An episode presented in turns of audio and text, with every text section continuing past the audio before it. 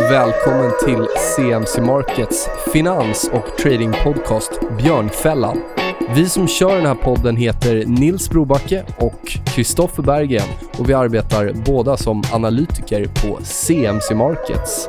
CMC Markets är nätmäklaren som riktar sig mot dig som är intresserad av aktiv handel. Vi erbjuder handel i CFDer på aktier, index, råvaror, räntepapper och valuta i fler än 10 000 produkter världen över.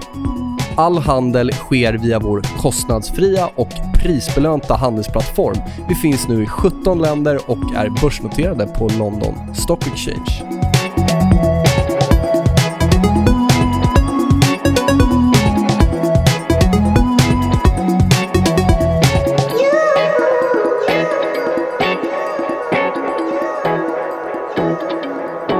CMC Markets podcast Björnfällan är tillbaka, avsnitt 57 och idag gästas vi återigen av eh, Mattias Eriksson från Coelis Sverige. Välkommen Mattias. Tack så mycket. Härligt att ha dig här igen. Eh, Kul att vara tillbaka igen. Ja, eller hur?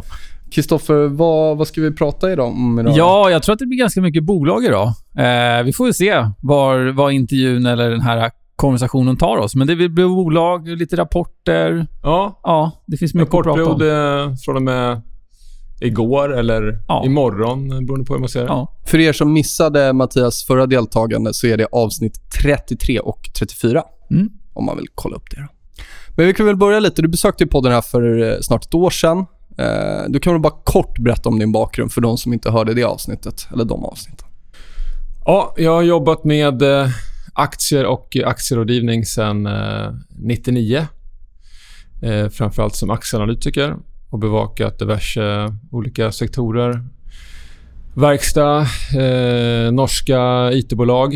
Eh, så lite varje. Jobbar mycket med bank när jag var på Nordea sex år innan Coeli.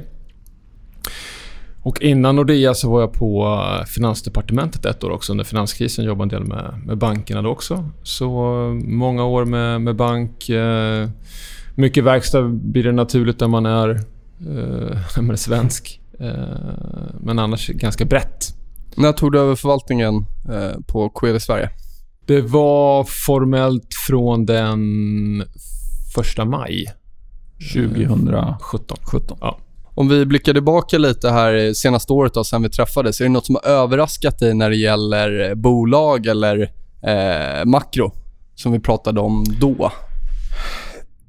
Nej, egentligen inte. Det är möjligtvis att konjunkturen fortsätter att vara så pass stark ändå. Inte minst i USA. Då har vi fått hjälp av framförallt bolagsskattereformen eh, där mm. som har hjälpt till väldigt mycket. Så konjunkturen där är ju urstark. Eh, här i Stockholm är det ju fortsatt hysteriskt. Stinker av champagne på gatan när man går runt där kring Stureplan. Det är fruktansvärt. Eh, och vi har samtidigt då minusränta. Mm. Det kanske blir någon räntehöjning då i december pratas det om. Men, men eh, frågan är om man hinner upp tillbaka till, till noll eller plus innan det blir Innan det blir sänka, ja. ja det, det, var väl en rekordsiffra som kom in här, ISM från USA, om det var, var det förra veckan eller förra, förra Ja, 61 Bästa på väldigt länge. Ja. Kan det bli bättre? Nej, det kan det inte bli. Frågan är hur länge det fortsätter vara så här bra. Det är fortsatt längre än vad jag trodde, så det är väl möjligtvis det som har, som har överraskat. Samtidigt då så har ju verkstadssektorn och de bolagen stått stilla. Så de har ju de senaste tre, fyra kvartalen eh, så har ju rapporterna i den sektorn varit eh, fantastiskt bra från Volvo, Atlas Copco, Sandvik och så. Men aktierna har ju stått i bästa fall stilla. Eller till och med gått ner. Så där väntar man ju bara på att konjunkturen ska vika. Så frågan är vad som kan få den sektorn att lyfta. Mm. Men nu inte en, en väldigt stark konjunktur och väldigt bra rapporter och, och men vad beror det på att de inte har... inte hjälper? Vad beror det på att de inte har gått då? Är det bara prispsykologi eller? Vad är det, ja, det är för att man, man väntar på den här eh, konjunkturnedgången och att det inte kommer bli bättre. Eh, och då är det fel timing att, att köpa verkstad nu då. Så mm. har man känt ja, ungefär ett år. Mm. Men har värderingen då kommit ner? Om vinsterna då tuffar på, liksom, hur, hur ställer ja. man sig till värderingsmässigt kontra då om vi nu befinner oss i en liten konjunkturtopp? finns det ändå en liten kudde där i att värderingarna inte har stigit och i takt med att kurserna faktiskt inte har rört på sig. Ja, värderingen, multiplar har då eh, kommit ner.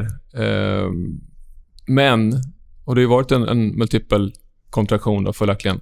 Eh, men det, det, är svårt att veta när man ska fånga den kniven, mm. liksom, den fallande kniven. Eh, och billigt kan ju bli mycket billigare. Volvo har ju varit billigt ja, väldigt länge. Uh, Atlas har kommit ner lite grann värderingsmässigt. Uh, Sandvik är också inte så jättedyrt då, jämfört med mycket annat. Uh, så det är, väl inte, det är väl inte det som är det stora problemet, utan det är just vad konjunkturen ska ta vägen. Mm. När det var för ett år sedan så var det lite, vad ska jag säga, lugnare klimat när det gäller hur bolagsrapporter tas emot, hur, alltså köp, alltså förändringar när det gäller rekommendation, köp till behåll och så vidare. Men senaste halvåret kanske, upplever jag i alla fall att det har varit väldigt stökigt. Alltså de som inte levererar straffas väldigt hårt. Ja. Eh, Medan de som levererar belönas ganska bra också för den delen. Ja. Vad, vad, tror du att det beror på? Är det en generell osäkerhet kring just bolagens utveckling?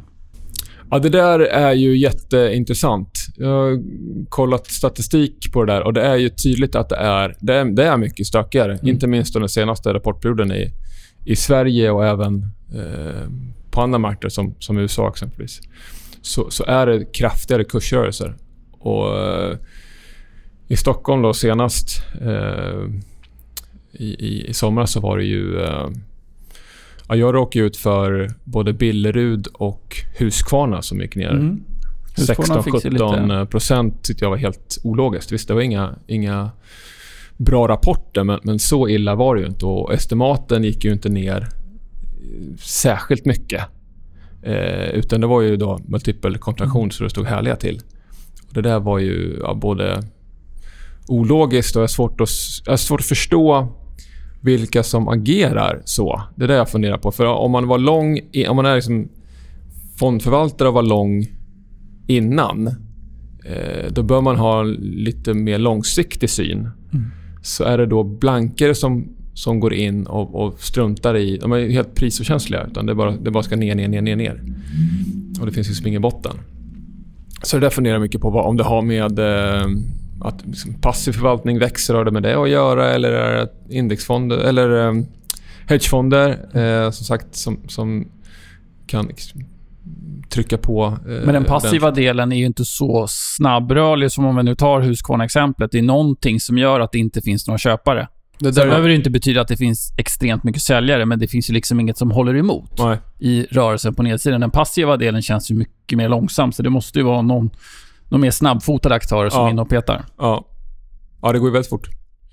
Uh, ja, men det där är intressant. Men jag, uh, ja, jag, jag vet inte. Jag har inget bra svar. Men det verkar vara en, en, en trend ändå, mm. att det blir, det blir stökigare av någon anledning. Vi hade ju en volatilitetssmäll i början av eh, året i USA. Mm. Men vi har pratat om det med flera gäster att det potentiellt har vi gått in i en ny volatilitetsregim. Då. Och Det slår ju även på enskilda aktier. Mm.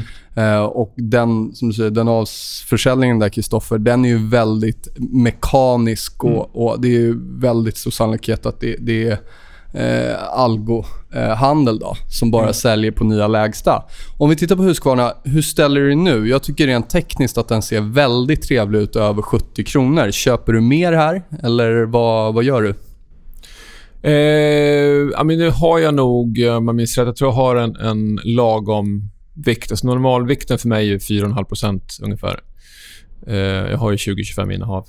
Eh, så jag, jag, gillar ju bolaget. Ett väldigt välskött, bra bolag. De har tre av fyra affärsområden som presterar väldigt väl. Eh, växer organiskt med, med 5 eller bättre. Bra marginaler, bra på kapitalet. Och sen då Consumer Brands-delen som de ska införliva i, i Husqvarna och Gardena här nu då framöver. Eh, som har ställt till det. Och Problemet har egentligen varit att de har varit sena på bollen och varit för långsamma egentligen. Så det som hände då och de besked som kom i somras, det, det, var ju faktiskt i linje med vad jag trodde. Och sen var det en del på stan, då, analytiker och andra som mm, uppenbarligen trodde att man skulle kunna sälja det här. Men det har jag förstått från början att det är för risigt för att sälja. Man måste ordna upp det där själv eh, och lyfta verksamheten. Eh, det, är, det, är, för dåligt för att sälja. Det är ingen som vill ha det. Eh, så, så beskeden som kom i somras var i linje med vad jag hade räknat med. Men inte reaktionen? kanske? Nej, inte alls. inte alls. Så jag blev liksom ganska nedstämd av liksom, Ja. minus 17 den dagen. Liksom. Eh, när jag tyckte det ändå var bra att de tog tag i det och grunden är ett bra bolag eh, med bra ägare, bra ledning eh, och så vidare. Eh, bra produkter. Så det här kommer att ordna upp sig över, över tid. Så jag känner mig, jag känner mig trygg med det, med det innehavet. Ska vi hoppa på Betsson då? Det är en annan eh, aktie som har haft det tufft, men har kommit tillbaka eh, i alla fall senaste tiden. Eh, nu har den dock börjat handla ner lite eh, från de senaste veckan, eller veckorna i alla fall. Vad är din syn där på Betsson? Har du kvar den? Du Nej, jag sålde det ganska snabbt. Jag var inne där en sväng. Jag vill helst inte äga den typen av bolag eh, med gambling. Eh, Jag vet att du sa det sist också, Ja, att det är- aktien såg intressant ut, men sektorn Ja, generellt det inget... eller jag tycker det är en oerhört smutsig eh, bransch. Eh, jag tycker det är hemskt. Man hör historier hela tiden om, Mm. om att, eh, om att eh, ja, människor spelar bort pengar. Mm. Och, och, och, ja, det, det är rätt smutsigt. Eh, Framförallt den här kasino-delen. Sportspel är väl, kan ju vara roligt. Eh, och Kambi kan kanske vara intressant av den anledningen att som, som leverantör och så vidare. Men, men Betsson verkar ha strukturella problem. Och då när jag släppte den ganska omgående, då, då var det på grund av, som jag uppfattade ett stora problem eh, på Malta. Eh, där de har större delen av verksamheten. Så den uppfattningen fick jag att det var någonting som inte stämde där. Eh, och då fanns det ingen anledning att vara kvar i aktien, för då blir det ju en value trap. Eh, den var ju billig av en, av en anledning. Och sen sköt jag aktien iväg någon, av någon anledning och sen den Klassisk short squeeze. Ja, så, så ehm, fundamenta känns helt enkelt inte bra där. Eh, och sektorn är någonting som jag gärna håller mig ifrån. Om det inte är någon så här uppenbar felprissättning. Men i, i fallet Betsson så var det ju en value trap. Det var ju, det var ju inget bra case i, i grunden. Det, blir, det är ju alltid så när man ska vara contrarian och köpa de här eh, bra bolagen billigt. De blir ju alltid billiga av en anledning, av en negativ anledning. Och då är stora frågan, är det här någonting strukturellt som är fel eller är det eh, tillfälligt? Och det här kommer man överbrygga och övervinna och det kommer bli bra över tid. Eh, Sen är det frågan om hur lång tid det tar. Men vi har ju eh, NCC som ett exempel. Då, hade kapitalmarknadsdag igår. Eh, och det är ju en, en bransch som är strukturellt svår. Det är väldigt svårt att bygga en tunnel i Norge. Mm. Man vet själv när man ska renovera hemma eh, och det drar iväg kostnadsmässigt och det blir inte alls som man tänkt sig och det blir struligt och så vidare. Då kan man ju tänka sig, ja, när man bygger en, en tunnel eller bro någonstans här i, i Norden eh, för flera miljarder, att ja, det är lätt att det blir lite fel och att det kostar pengar. Eh, och då hoppas jag då på att, att eh, Thomas Karlsson, den nya VDn, ska styra upp där. Så god, god förhoppning om att det kommer bli bra på sikt. Eh, och ska man äga den här typen av bolag någon gång så är det nu när man har gjort då, liksom enorma nedskrivningar. Även innan Thomas tillträdde så var det ju ganska ordentliga nedskrivningar. Igår tog man ju nedskrivningar och omvärderingar för mer än 10% av börsvärdet. Det är ju extremt. Det är extremt. Ja. Eh, så nu har man tagit ifrån tårna, antar jag. Förhoppningsvis. Men det är Ja. marknaden kanske är lite oro, orolig för, det är väl att finns det fler lik i garderoben? Liksom när, för att den här aktien var ju ganska älskad av många förvaltare för några månader sedan, kvartal Mm. sedan, kanske ett halvår sedan till och med. Sen har den ju gått ganska tufft och nu kom den här vinstvarningen igen. Så frågan är, när är alla nedskrivningslik i garderoben liksom ute? Ja. Och som Thomas sa igår, så han var ju öppen och ärlig och sa liksom att vi har, vi har gjort det här väldigt detaljerat, och de säkert gjort.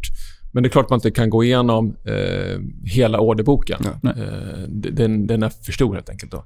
Så man har ju tittat selektivt på, på de ställen där det är högst risk- så man kan ju inte känna sig helt trygg. Eh, Kollar men om man det- någon ja. gång ska köpa den här typen av aktier så är det ju faktiskt nu. Speciellt med den vdn man, man, man har nu som, som har väldigt goda förutsättningar tycker jag och, och ändå vända skutan. Och nu är ju liksom manegen krattad så att eh, nu, nu är det bra förutsättningar för att, för att vända det tycker jag. Tekniskt så kommer ju köpare tillbaka väl, väldigt starkt. Eh, Mm. Både igår och idag ser det bättre ut. Så att som du säger, om man nu vill ha det här, då är det väl ett yppligt tillfälle att titta på den. Ja. Eh, jag tittar på en uppsida på i alla fall en 50 kronor. Eh, I det ja, inte allt för långa perspektivet. Oj, ja, det vore ju fantastiskt. Ja, har du, när köpte du? Eh, jag, jag minns inte exakt. Det var ju för, för tid, men det var ju efter de här stora nedskrivningarna som inte Mm. var tillräckligt stora. Och Sen pratade jag med Thomas när han skulle byta då innan han tillträdde. Och, och eh, ja, vi ska ju inte gå in på de detaljerna men, men eh, jag tyckte ändå det var relativt mycket inprisat då. Eh, på de nivåerna. Och det finns ju teoretiskt finns det mycket uppsida i aktien. Eh, jag använder ju mycket kassaflödesvärdering som ni vet och då, då bör den här typen av verksamhet förutsatt att, att det inte blir för stora eh, bortfall då, eh, på, på dåliga projekt bör generera ganska bra kassaflöden.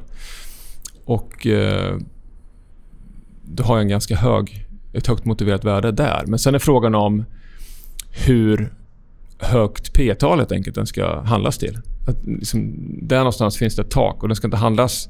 För, för att det är just den här typen av verksamhet med ganska hög risk så ska den inte handlas till, till, till alltför högt P-tal. Så det sätter lite grann taket också då, mm. tror jag.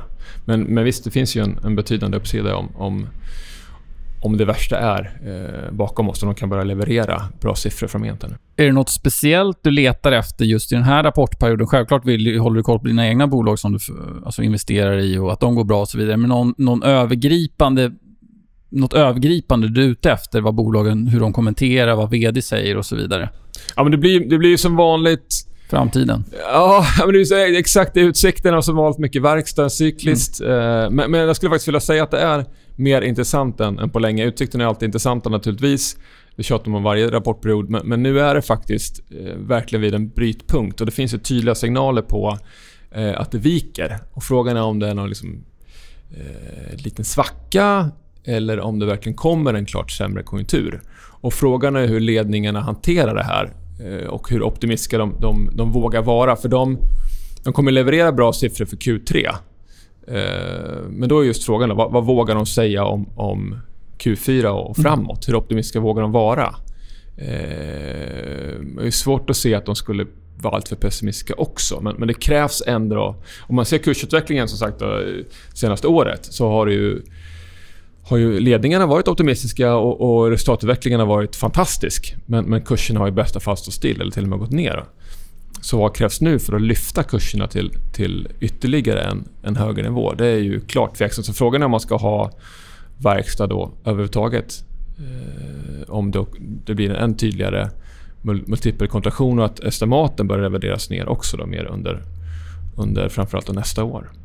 Hoist är en annan aktie som vi pratade om när du var här sist mm. och även en aktie som eh, när jag pratar med förvaltare, bland annat eh, Brummer och några andra som är väldigt positiva till den här aktien, även om mm. den har haft det tufft. Nu kommer det upp en kapitalmarknadsdag här om 15. inte allt för länge. va? Ja. Och Utmaningen där vet jag att du nämnde, men har även varit liksom caset nu, att man, man är inte tillräckligt duktiga på att förklara sin affärsmodell. Och kanske försvinner lite frågetecken här eh, vid den kapitalmarknadsdagen. Tekniskt tycker jag den ser trevlig ut också om 70 eh, håller. Då kan ja. det bli väldigt trevligt. Vad är din syn på Hoist? Har den förändrats? Och, Nej, jag är ja. fortsatt eh, väldigt positiv. Eh, inte minst när, när man har bytt eh, VD. Eh, förra vd var också jättebra. Han sitter ju i styrelsen nu som vice ordförande eh, och storägare fortfarande. Jättebra. Eh, men Claes-Anders eh, är ju en annan typ av vd. Han är mer som traditionell börs-vd. Eh, nu ska man effektivisera, spara kostnader och så vidare. Och så vidare som, som verkligen behövs. Då. Eh, och det, det, är, det är det som är attraktivt också med, med caset. Att nästan ja, större delen av eh, framtiden och, och resultatutvecklingen framgent hänger på vad bolaget själva gör och presterar. Så det är väldigt mycket i deras egna händer och det gäller då att de, de eh, förbättrar effektiviteten Eh, och Det kan handla om att man istället för att ha liksom ringlister eh, har man dialers, som det kallas, som ringer upp automatiskt. Eh, kan man tycka är en väldigt simpel grej, men det har, det har man inte haft i så stor utsträckning. Så, sånt där, såna enkla saker rullar man ut och att man använder liksom, eh, iPads på, på de här callcenterna istället för att eh, Eh, gå runt med liksom papper och penna och anteckna och liksom bara effektivisera mer IT-miljön och, och, göra ganska enkla saker. Så när jag, när jag pratar med Claes-Anders så verkar han väldigt säker på att, att det här kommer bli betydligt, betydligt bättre. Att liksom, ja, det, det, det, är, det, är, svårt att misslyckas. För det är så pass enkla förändringar som behöver göras som kommer göra väldigt mycket på, på marginalen och förbättra effektiviteten väldigt mycket.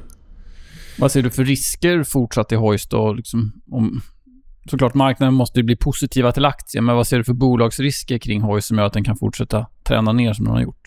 Ja, men det har ju varit en prispress. Eh, den ser ut att avta, lite lättare. Det har varit eh, svårt för, för Hoist i och med att det har varit mycket konkurrens i och med att räntenivån har varit så pass låg. Det har varit lätt att finansiera, så högre räntor gynnar Hoist. De kommer ändå ha så pass låg liksom lägst finansiering i sektorn ändå. Det har varit stökigt i, eh, i Polen då med Getback som, som Hoist kanske köper resten av då eventuellt. Får se. Det, det ser lovande ut. Skulle kunna vara bra tillgångar. Ehm, så risken ligger väl delvis där. Ehm, sen är ju risken i affärsmodellen som, som skeptikerna eh, pekar på att man, man, man köper ju dåliga, ja, man köper dåliga mm. saker billigt. Ja. Eh, och det är att man har koll på vilka tillgångar man köper att man köper till rätt pris. Man måste verkligen göra rätt från början. För den portfölj man, den portfölj man köper, den lever man med i låt säga 10 år. Mm. Så, så, så, det gäller verkligen att man köper inte rätt pris från början och inte kompromissar eller chansar. Utan man måste verkligen ha råkoll på den portföljen man köper. Och naturligtvis så kan man inte ha all data innan man köper. Det är alltid en, en, risk att man åker på en smäll. Men med den historiken som, som Hoist har, som har gjort det här i 20 år, så, så känner jag mig trygg med att över tid så kommer de eh, köpa bra tillgångar och kunna parera de eventuella, eventuella smällar som, som dyker upp. Och då ska man ha en avkastning på kapital på 20% eller närmare och då, då är aktien på tok för, för billig. Och mm. Det finns ju jättebra tillväxtförutsättningar i marknaden som växer kraftigt. Eh, Hoist tar dessutom marknadsandel. Så bra tillväxtförutsättningar eh, med den här då operationella effektiviteten som, som kommer till kommande året, åren så, så kommer avkastningen också stiga markant och då ska kursen upp. Bra ledning, bra styrelse, bra ägare. Eh, så bra rakt igenom tycker jag. Ett annat bolag som har haft lite kommunikationsproblem med marknaden kan man säga är Sinober. Mm. Som eh, mm kommunicerade på ett sätt som gjorde att den steg väldigt mycket. Sen var det även kanske lite andra typer av retailflöden som kom in där och tryckte aktien också. Och sen ja. så ja, slog den kommunikationen över till att aktien började rasa väldigt kraftigt. Och Sen så kom ja. Nasdaq in och var tänkt att nu jäklar kan vi få de här billigt. Ja. Nu verkar det inte gå igenom riktigt. Men vad tycker du om Sinober och vad tycker du om budet? Och hur ser du på framtiden? Ja, det var en intressant resa. Det var min eh, kollega Mikael, eh, som nu också borde ha som, som gäst där, eh, by the way, eh, som eh, uppmärksammade på det där. Eh, och jag var ju då lite skeptisk till de här insiderförsäljningarna. Nå någonting mm. känns inte bra i magen när det är så mycket insiderförsäljning som det var. Så jag avvaktade och köpte då efter det där 30-procentiga raset. Eh, och Det var ju en jobbig period även, även därefter. Eh, sen har ju det här med, eh, med bud alltid varit på, på agendan. Men det går inte att köpa en aktie av den anledningen och, man vet ju aldrig när det där dyker upp, Nej, om det överhuvudtaget gör det. Men Nasdaq är en bra köpare. Eh, och Cinnober har ju en, en väldigt stark börsverksamhet med liksom upptid på 100%, inte 99,99 ,99, utan verkligen 100%. Eh, väldigt, väldigt bra. Och det vet ju Nasdaq om. Och sen har de då 2, 3, 4 oslipade diamanter marknadsövervakning, eh, Mifid 2-reglering eh, och sen realtidsclearing. Eh, intressanta nischer inom fintech som borde kunna mm. handlas till rätt höga multiplar. Så där har intresserat oss och, och vi har fått under, under tiden här bekräftat att, att de har väldigt bra produkter. Och sen tar det tid att, att, att sälja det här. Man måste marknadsföra det, måste komma ut till kund och så vidare bevisa sig. Så det här kommer att ta tid. Så det vore bra om, om Nasdaq eh, köper Sinobe med, med de resurserna som de har och kan liksom, flytta fram positionerna för de här produkterna ganska snabpt. Eh, så det finns ju klara intäktssynergier mm. mellan de här två bolagen. Men, Budet var lite snålt. Eller? Ja, men det, det, är... Det är eh, som jag sa då... Eh, eh, ja, det är ju ett, det är ju lite av ett skambud faktiskt. de kan ju göra väldigt mycket med det. De, de, det, det blir ju en, en kvalitetsstämpel på Cinnober också när Nasdaq eh, lägger bud på det mm. och tydligt visar att vi vill ha det här. Mm.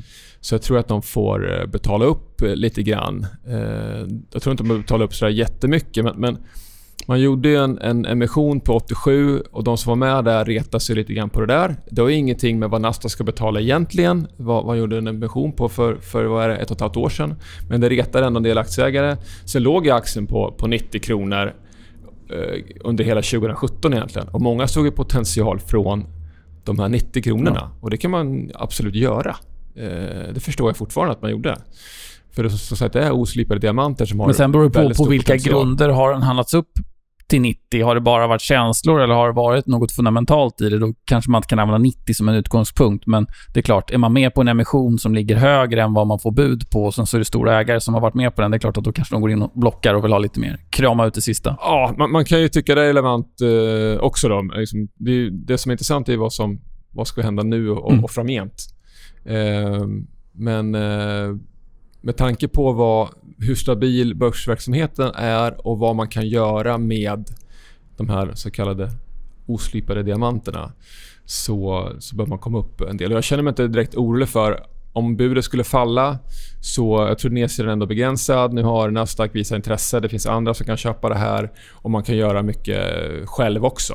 Eh, det skulle gå snabbt. Det vore bra för, för Cinnober och, och också Nasdaq om de gick ihop och, och eh, kunde liksom vara ganska aggressiva i sin, i sin marknadsföring och få ut de här eh, produkterna på ett mycket smidigare sätt för, för, för Cinobers del. Så det är, det är bra, men, men eh, med tanke på vad de kan göra med bolaget så är det, är det för billigt. Så det måste, det måste upp några kronor till. Och Det visar ju börsen tydligt också när man ligger konstant på 79-80 kronor och på 75.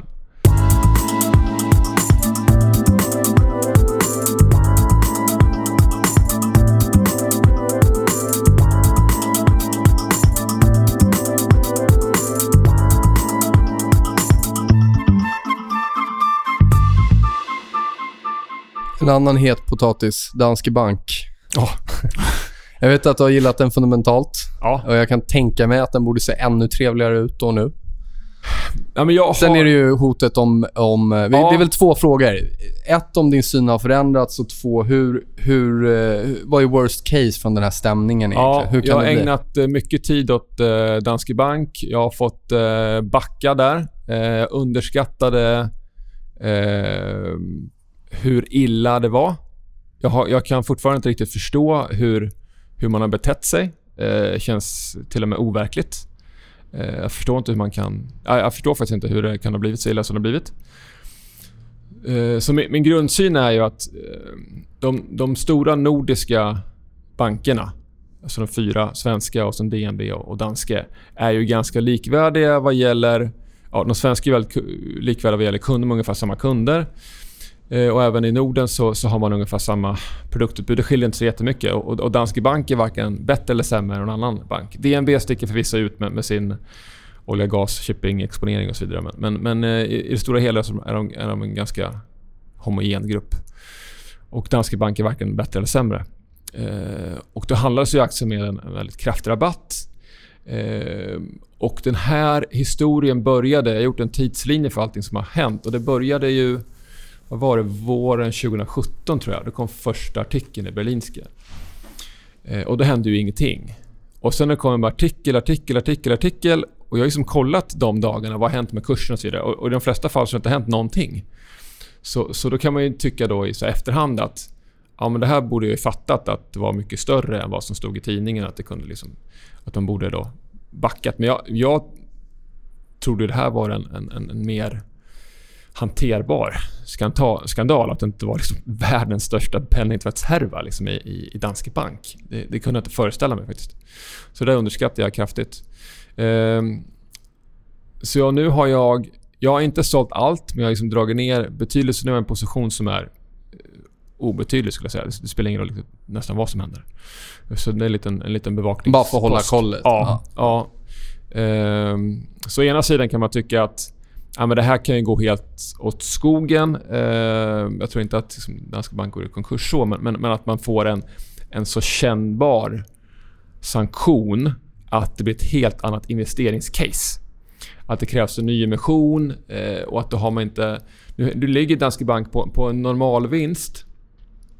Eh, liksom jag räknar normalvinster på alla de nordiska bankerna och jämfört. Och då, då ligger Eh, Swedbank ligger ju högst vad gäller avkastning på kapital.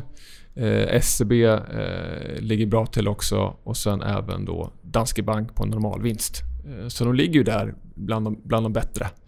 Eh, så om man utgår från eh, dagens värdering av vad den bör vara eh, utifrån vad de ska generera för avkastningskapital normalt sett. Så då är in, det är ett sätt att räkna på det. Det finns flera sätt. Det finns ingen sanning här, men, men, men det är ett sätt att se på det. Och då är ju en sanktion på eh, jag ska säga 85-90 miljarder danska kronor inprisat. Alltså det är, det är en sån... Alltså blir det, blir det så mycket, då blir det ju väldigt, väldigt svårt för banken. Um, är det, är det både eh, klippa utdelning och nyemission då, eller? Ja, de, de har ju strypt återköpen. Eh, utdelningen ser de ut att kunna behålla som det är nu i alla fall. då. Men eh, eh den är ju tveksam. Och Det finns lite olika beräkningar som jag har sett. Jag har inte räknat själv på exakt vad de tål, men jag har sett lite olika beräkningar. och Då är det någonstans omkring 40 miljarder danska som de kan hantera på ett, på ett smidigt sätt. Därutöver så blir det jobbigt. Sen kommer de kunna hantera det. För Det är som en systemviktig bank i, i, i Norden. Så kom ihåg att om det händer dåliga, riktigt dåliga saker på Danske Bank, då, då ligger Sverige väldigt risigt till också. Så det här ska man liksom vara väldigt försiktig med. För det banksystemet i Sverige kommer liksom påverkas eh, kraftfullt. Liksom. Det såg vi ju bara för någon vecka sedan här, den lilla hostningen om att eventuellt eh, våra mm. banker också hade... Ja. Det gav ju en rätt kraftig sell-up. Nu var ja. de tekniskt väldigt, väldigt eh, överköpta. Men, men, så det kan man ju kanske ha koll på. Men det kan ju, det kan ju som sagt... Det, det är svårt att säga exakt vad, vad en bot blir. Det behöver inte ens bli en bot. Eh, man måste ju hitta en anledning att att eh, ge en, en, ett, ett bötesbelopp. Och det kanske inte finns. Nu talar jag mycket för att det gör det. Men, men, men det ska man också komma ihåg. Eh, men att den blir så pass... Som jag uppfattar det är svårt att säga exakt hur amerikanska myndigheter tänker. Men vad jag förstår av historiken så ger man en, en böt utifrån förmåga att betala. Eh, om man, det är oerhört osannolikt. Det ska man inte ens prata om att de skulle liksom sänka danska det, det känns ju det är eh, oerhört osannolikt. Det får man kalla worst case scenario. ja, men det, det, är ju... Det är, det är liksom ingen liten, liten skitbank utan det är ju en, en, en, väldigt stor viktig bank för hela Norden. Eh, men eh, det, jag tror de kan agera så, om man nu får, får gissa och prata lite fritt, att de tar i till, tills gränsen är nådd för vad liksom Danske Bank kan hantera. Att det då kanske blir ett helt förändrat investeringscase. Mm. Man får, får glömma det här och börja från början. Banken överlever och liksom, kunderna kommer att ha det bra och så vidare. Och, och banken kan leverera precis som de gjort tidigare gentemot kund. Men som investeringscase så blir det ett annat case. Så det är väl det som, ja, det är väl det som jag funderar på. Nu, nu, nu ligger jag inte sömnlös över det på nätterna som jag gjorde tidigare. Eh, nu finns det ju andra saker att oroa sig över. Men, men, men det, det, är därför jag har kvar en liten bevakningsposition. För liksom, jag tror banken i, i grunden är, är varken bättre eller sämre än någon annan nordisk bank. Och att man förhoppningsvis har lärt sig väldigt mycket av, av den här historien. Det räknar jag med. Det vore konstigt annars. Men sen tar ju det här mycket, det suger ju enormt mycket energi av hela organisationen. Så dels har vi då, ja, vad blir det för bötesbelopp? Blir det böter överhuvudtaget? Blir det liksom... Blir det varsel? Liksom? Ja, liksom, vad kommer hända ja. där? Vilk, när kommer det? Kommer det innan året är slut? Gör man någon, någon, någon deal här med, med amerikanska myndigheter ganska snabbt? Eller ska man gå till grunden med att liksom utreda det här? Att, jag menar, det är svårt att säga att du någonsin kommer få klarhet i precis vad som har hänt. Det känns liksom som ett enormt... Eh, vad ska man kalla det för? Liksom. Ja, det är omöjligt. men det där ja. brukar ju bli en våt filt över aktien ja. också. Att den, det kanske inte kraschar, sen, men... Det tredje är ju hur påverkar det här då resten av banken som, som är välmående i grunden? Eh, I och med att det suger så mycket energi av hela organisationen. Så det är också eh, den, den, tredje frågan där. Så det gör, det gör, att det är svårt att äga det. Om man har inte så mycket att förlora på att, på att vara utanför. Varför köpa nu? Men okej, okay, om det kommer en uppgörelse på låt säga 10-20 miljarder danska kronor så vore det liksom positivt. Ja, då kanske aktien går, inte vet jag. Kan den gå mer än 10% på en dag? Jag vet inte. Och då, då är man ju ändå... Då kan man ju ändå hoppa på. Liksom. Så det, det är svårt att motivera varför man ska köpa nu faktiskt med, med, så mycket osäkerhet som det är. Det är en väldigt speciell... Det är, det är, det är en svart svan, skulle jag säga. Mm. Ja, risken är väl ganska stor på nedsidan just nu. Tills det är klart vad det blir för bötesbelopp. Ja. Eh, men en annan sektor, eh, eller en sektor som är väldigt het, är ju IT-konsulter. Mm. Eh, ni har valt ett norskt bolag där, va? Atea. Ja, men du tänker på Atea. Okej. Jag hoppar ja, över till jag något ser inte det helt som annat IT, här. IT Nej, konsult. okej. Alltså jag, jag gillar ju Atea för de är marknadsledare marknadsledande IT-distributör Ja. i Norden. Så de har 18% marknadsandel, en väldigt fragmenterad marknad. Eh, de kan förbättra den eh, andelen både genom organisk tillväxt och även via förvärv och stärka sin position ytterligare. Det är väldigt svårt att och liksom räkna bort Atea. De är så pass stora så det är svårt för andra att, att, att liksom leverera. Eh, om man är då en stor myndighet eh, eller ett stort företag också för den delen i Norden. De är alltid med överallt i varenda upphandling. Eh, om man ser till konkurrenterna nedan, nedanför, under då Atea eh, så är det små, små fjuttbolag i sammanhanget. Sen finns det då namnkunniga bolag, men Dustin är tvåa. Eh, Proact med på den listan också, jättebra bolag. Eh, jag ägde ju Dustin tidigare, äger inte det längre, men det är också ett, ett väldigt bra bolag. Men, men en, en, en, en lite, lite tuff eh, värdering och där har också den organiska tillväxten klappat ihop. eh, Vilket var liksom en, en stor anledning till att jag köpte caset för första, från första början. Atea har ju en, en stabil organisk tillväxt på 5% vilket är väldigt bra. Och sen har de en tydlig strategi mot förbättrad rörelsemarginal. Och, och ledningen är, är väldigt, väldigt eh, bestämd. Eh, och det här kommer, det här kommer funka på, på sikt, är jag övertygad om. Så man kommer eh, gneta på och effektivisera hela organisationen och få upp eh, marginalen tydligt. Och då har vi en bra vinsttillväxt eh, under kommande år. Eh, Eh, och en bra, en bra, bra resa i ett i ett väldigt tryggt bolag. Oavsett vad som händer med konjunkturen. Eh, lite ovanligt kanske för en eh, long only-fond är att eh, ni hade, ägde Autoliv, eh, sålde den i var det juli och sen köpte ni tillbaka den i september. Eh, Så nu har jag sålt igen. nu har du sålt igen. Så det är, det är Trading. trading Ja, men det är ova- helst vill du äga bolagen för evigt. Jag har en väldigt lång tidshorisont. Eh, Det är lugnast så och bäst så. Men Autoliv är ju ett, eh, ett favoritbolag sedan sen många år tillbaka. Enormt ett välskött, jättebra bolag. Superstark marknadsposition som har växt sig ännu starkare. Eh, och sen... Ja, jag, ty- jag tyckte det var ett väldigt... Ja, det var ett klockrent case från början i och med att fokus var på helt fel saker om vi pratar ganska långt tillbaka. Eh, man var, Takata imploderade, man tog väldigt mycket, väldigt mycket marknadsandelar, man var tvungen att investera då i, i deras produktion för att hantera det här och även forskning och utveckling. Och alla frågorna på, på eh, conference call efter rapporterna från, från eh, amerikanska analytiker var liksom vad, Amerika det kostar så mycket pengar och vad händer med marginalen och det här är ju inte bra och oj oj oj. var jätteoroliga för det där. Men det här var ju bara positiva investeringar för att de tog så mycket marknadsandelar. Så det var bara positivt. Det var helt missuppfattat. Ehm, och sen kom då en liten eh, märklig trigger. Det brukar alltid komma någon form av trigger på något sätt. Kanske inte alltid där man har tänkt sig, men, men ändå någon form av trigger. Och nu kom det då den här kapitalmarknadsdagen som var... Det var väl drygt ett år sedan nu. Jag får mig att det var i september. Borde Mm. september förra året. Eh, nere i Frankfurt. Eh, när man meddelade att man tänkte sig att, att dela upp bolaget. Och jag gillar ju den här blandningen då med, med tråkiga, eh, stabila, Telia-liknande autoliv med, med krockkuddar och säkerhetsbälten. Och sen då VNE och det här med aktiv säkerhet och, och självkörande bilar och hela den biten. Du menar att du vill ha dem tillsammans? Ja, exakt. Synergierna där Ja, är ja, viktiga? Nej, inte synergierna Nej. utan att, att man får... Eh, man får inte bara det här tråkbolaget utan man får det där spännande också. Det är som Man har ett en liten Kinderägg. option i tråkbolaget. Ja. Typ något sånt. Eh, så jag gillar att de hade både och. Men, men sen fanns det ju vissa bra skäl. Eh, det är olika kulturer och det kan ges bättre förutsättningar för, för, eh, för Veoneer att växa på egen hand möjligtvis. Och, och sen vad jag förstår på, på Autoliv nu i efterhand så, så har de bättre förutsättningar kanske att effektivisera och spara lite kostnader och sådär. Av någon konstig anledning som jag inte riktigt förstår faktiskt. Men, men, men visst, det kanske fanns bra skäl att dela upp det. Jag såg det inte riktigt. Eh, och eh, aktien gick ju bra, väldigt bra på den här eh, annonserade uppdelningen. Så när värderingen var någorlunda rättvis så, så eh, sålde jag. Eh, och sen dess så har ju aktien, och då pratar vi då Autoliv, efter uppdelningen fallit kraftigt. Mm. Eh, Den har varit iskall kan man säga. Ja, verkligen.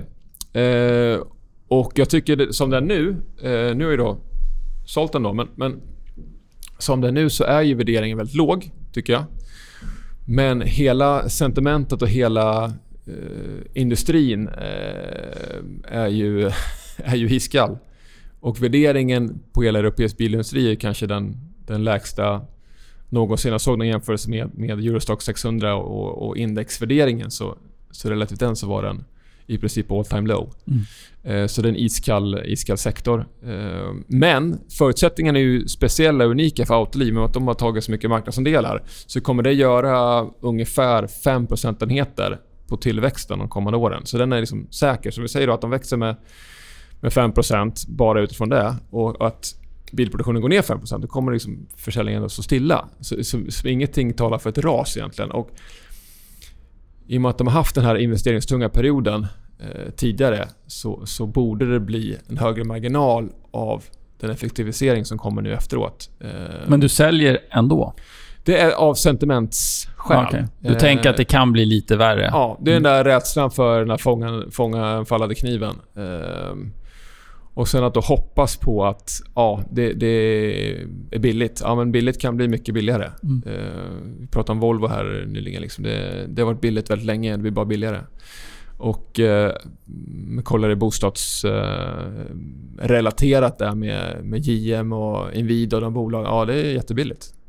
Eh, men det spelar liksom ingen roll. Utan mm. multiplarna kommer komma ner för att man är orolig för att vinsterna kommer komma ner. Och till slut kommer vinsterna komma ner också. Um, så Autoliv är helt klart på, på bevakningslistan och någonting jag gärna äger över tid. Uh, men frågan är då när helt enkelt.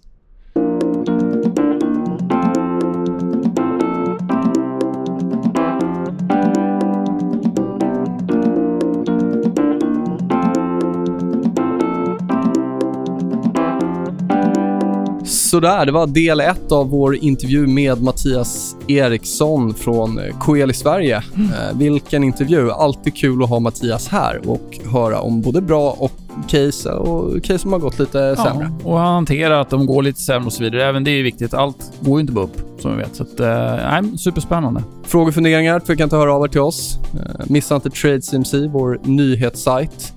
Eh, ja, vi tackar väl för en trevlig stund. Jajamän, tack. Ses vi nästa vecka med del två. Ha det gott!